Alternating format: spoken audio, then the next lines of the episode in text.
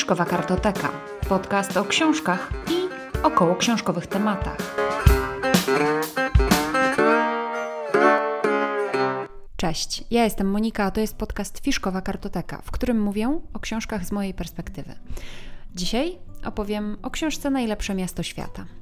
Pełen tytuł tej książki to Najlepsze miasto świata Warszawa w odbudowie 1944-1949 a jej autorem jest Grzegorz Piątek. Jest to reportaż wydany w wydawnictwie WAB w 2020 roku. Książka była nominowana do Nagrody Nika, dotarła do finału konkursu oraz zdobyła Nagrodę Literacką Miasta Warszawy. Grzegorz Piątek jest z wykształcenia architektem, krytykiem i historykiem architektury, a w latach 2005-2011 był redaktorem miesięcznika Architektura Murator w latach 2011 do 2019 z kolei członkiem zarządu Fundacji Centrum Architektury. Jest cały czas związany z architekturą. Był m.in. kuratorem wielu wystaw. Do tej pory napisał trzy książki, w sensie samodzielnie napisał, bo jest współautorem kilku innych. Dwie z książek Grzegorza Piątka są wydane w wydawnictwie WAB i są to Sanator kariera Stefana Starzyńskiego, wydana w 2016 roku, no i właśnie Najlepsze Miasto Świata, wydane w 2020 roku. Trzecia książka to Niezniszczalny Bohdan Pniewski, architekt salonu i władzy. To jest książka wydana w 2021 roku w wydawnictwie Filtry. No i o czym jest najlepsze miasto świata? No podtytuł już wskazuje na zarys tej opowieści, treści czyli Warszawa w odbudowie 1944-49, autor opowiada o odbudowie Warszawy po II wojnie światowej. Odbudowa zaczęła się tuż po klęsce powstania warszawskiego, a zakończyła się w 1949 roku wraz z likwidacją Biura Odbudowy Stolicy, takiej instytucji architektonicznej, urbanistycznej, no i powstaniem Ministerstwa Budownictwa zamiast dotychczasowego Ministerstwa Odbudowy. Bohaterem tej książki jest Warszawa, no i właśnie Biuro Odbudowy Stolicy oraz jego architekci. Grzegorz Piątek podzielił ten reportaż na trzy części.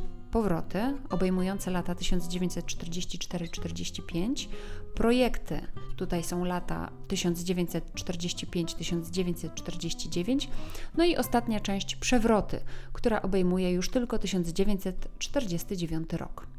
Każda z części podzielona jest z kolei na mniejsze podrozdziały. Część powroty jest to fascynująca historia powracania ludzi do zniszczonej, zbombardowanej Warszawy. To historia formowania rządu, najpierw w Lublinie, a potem szukania miejsca dla rządu w Warszawie.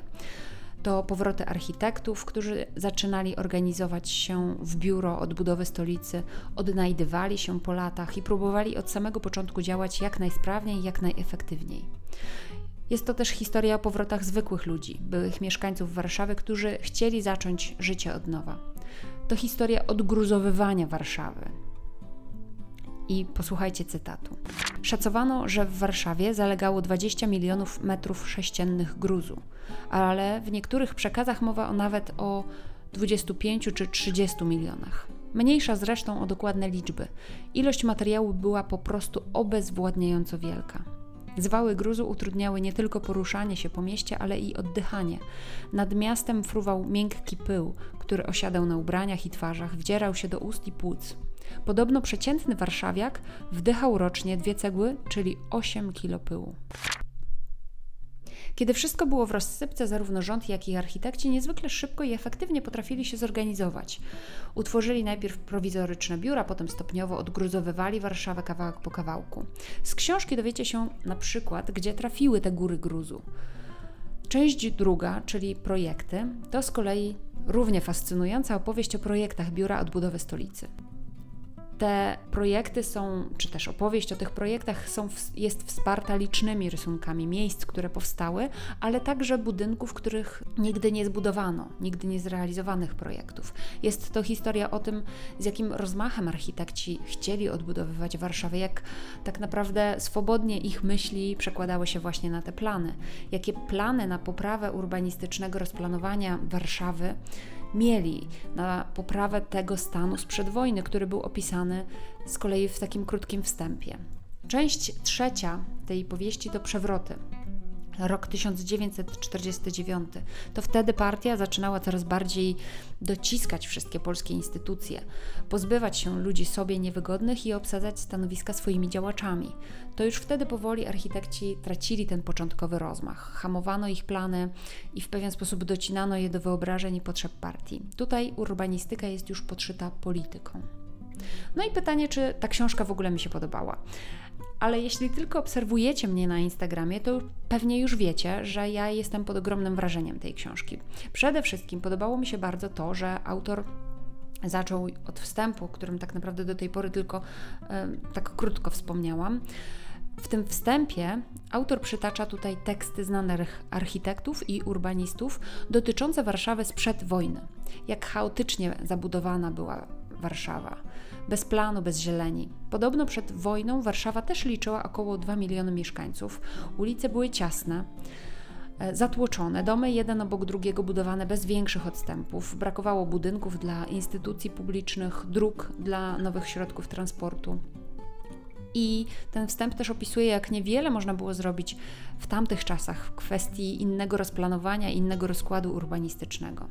To daje taki kontekst do tych działań powojennych. Nie ma żadnych wątpliwości, że wojna była ogromnym koszmarem i tragedią, ale jednocześnie zburzenie tak wielu fragmentów śródmieścia sprawiło, że powstało miejsce, w którym można było rozplanować, zaplanować stolicę na nowo. No i po tym wstępie zaczyna się właśnie ta część powroty. I tutaj wręcz kibicujemy poszczególnym architektom i całemu biuru odbudowy stolicy, żeby udało im się jak najwięcej dokonać. W tej części ja byłam pod ogromnym wrażeniem tego, jak szybko ludzie się potrafią zorganizować, jak dużo energii, zapału, chęci posprzątania po wojnie było we wszystkich, jak chciano zapomnieć o tej traumie, pracując. Jak szybko odrodził się handel, jak powstawały bary, kawiarnie, tuż po wojnie ludzie po prostu chcieli wrócić do normalności. Potem w tej części projekty zachwycałam się planami architektów, ich takiej jakiejś swobodzie artystycznej. Te plany które oni zaprojektowali, pokazywane były na międzynarodowych spotkaniach i zyskiwały ogromne uznanie wśród tuzów architektury na całym świecie. Ciekawie oglądało się te rysunki różnych miejsc w Warszawie, a potem przypominałam sobie, jak te miejsca wyglądają obecnie. Zachęciło mnie to też do odwiedzenia ponownego stolicy i zajrzenia na przykład na, na Saską Kępę, czy na Marienstadt, gdzie do tej pory tak naprawdę nie byłam, nie spacerowałam, a te dzielnice były wspomniane w książce i w pewien sposób poczułam e, taką potrzebę, żeby zobaczyć kiedyś w przyszłości właśnie te miejsca na własne oczy. E, część trzecia, przewroty, podobała mi się właściwie najmniej, ze względu właśnie na to, że tu już ten entuzjazm przygasał, już czuć było działania partii, która wymagała, aby architektura wyrażała potęgę i siłę państwa, niekoniecznie była piękna i funkcjonalna. Jednak nadal jest to bardzo ciekawa część, która ilustruje czasy, w jakich znalazła się Polska po tym 1949 roku. W książce bardzo mi się podobało to, że autor przytaczał zapisy z dzienników architektów, polityków, wspomnienia ludzi żyjących w tamtych czasach. Tutaj ilość źródeł jest ogromna, ale te cytaty, przypisy nie przytłaczają w żaden sposób tej książki. Są umiejętnie wplecione w tekst, także czyta się go bardzo gładko i przyjemnie. Rozdziały są dość krótkie, bo mniej więcej około, tak średnio, 20-stronicowe, a to też wpływa na łatwość czytania. Podobało mi się też to, że w książce są zdjęcia i rysunki, które ilustrują tekst, chociaż czasami brakowało mi zdjęcia jakiegoś budynku. Musiałam go sobie później wyszukać w sieci albo w trakcie czytania, żeby móc sobie trochę lepiej wyobrazić to, o czym czytam. Ale to już jest taki niewielki zarzut.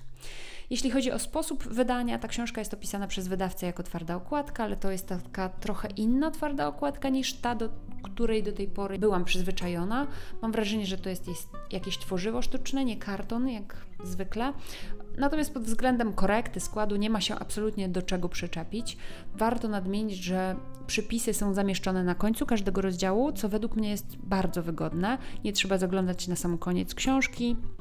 E, nie, z kolei też nie zaburza to układu tekstu, kiedy przypisy są na dole strony. E, bardzo wygodne rozwiązanie. No i mnie ta książka podobała się bardzo. Serdecznie ją polecam nie tylko fanom stolicy, nie tylko mieszkańcom Warszawy, ale także innym. Ta książka naprawdę bardzo pokazuje siłę pracy w grupie i to, że można się naprawdę zorganizować razem, stworzyć coś wspaniałego, jeśli ma się umiejętności, chęć, zapał Naprawdę bardzo taka optymistyczna książka. Dziękuję za wysłuchanie tego odcinka. Zapraszam oczywiście na kolejne. Zapraszam na moje konto instagramowe, gdzie znajdziecie mnie pod nazwą Fiszkowa Kartoteka. Zajrzyjcie do notatek do tego odcinka, tu będzie bezpośredni link do książki, o której dzisiaj mówiłam, a także mały bonus. E, zamieszczam link do zdjęć z Narodowego Archiwum Cyfrowego z Warszawy powojennej. Do usłyszenia. Cześć.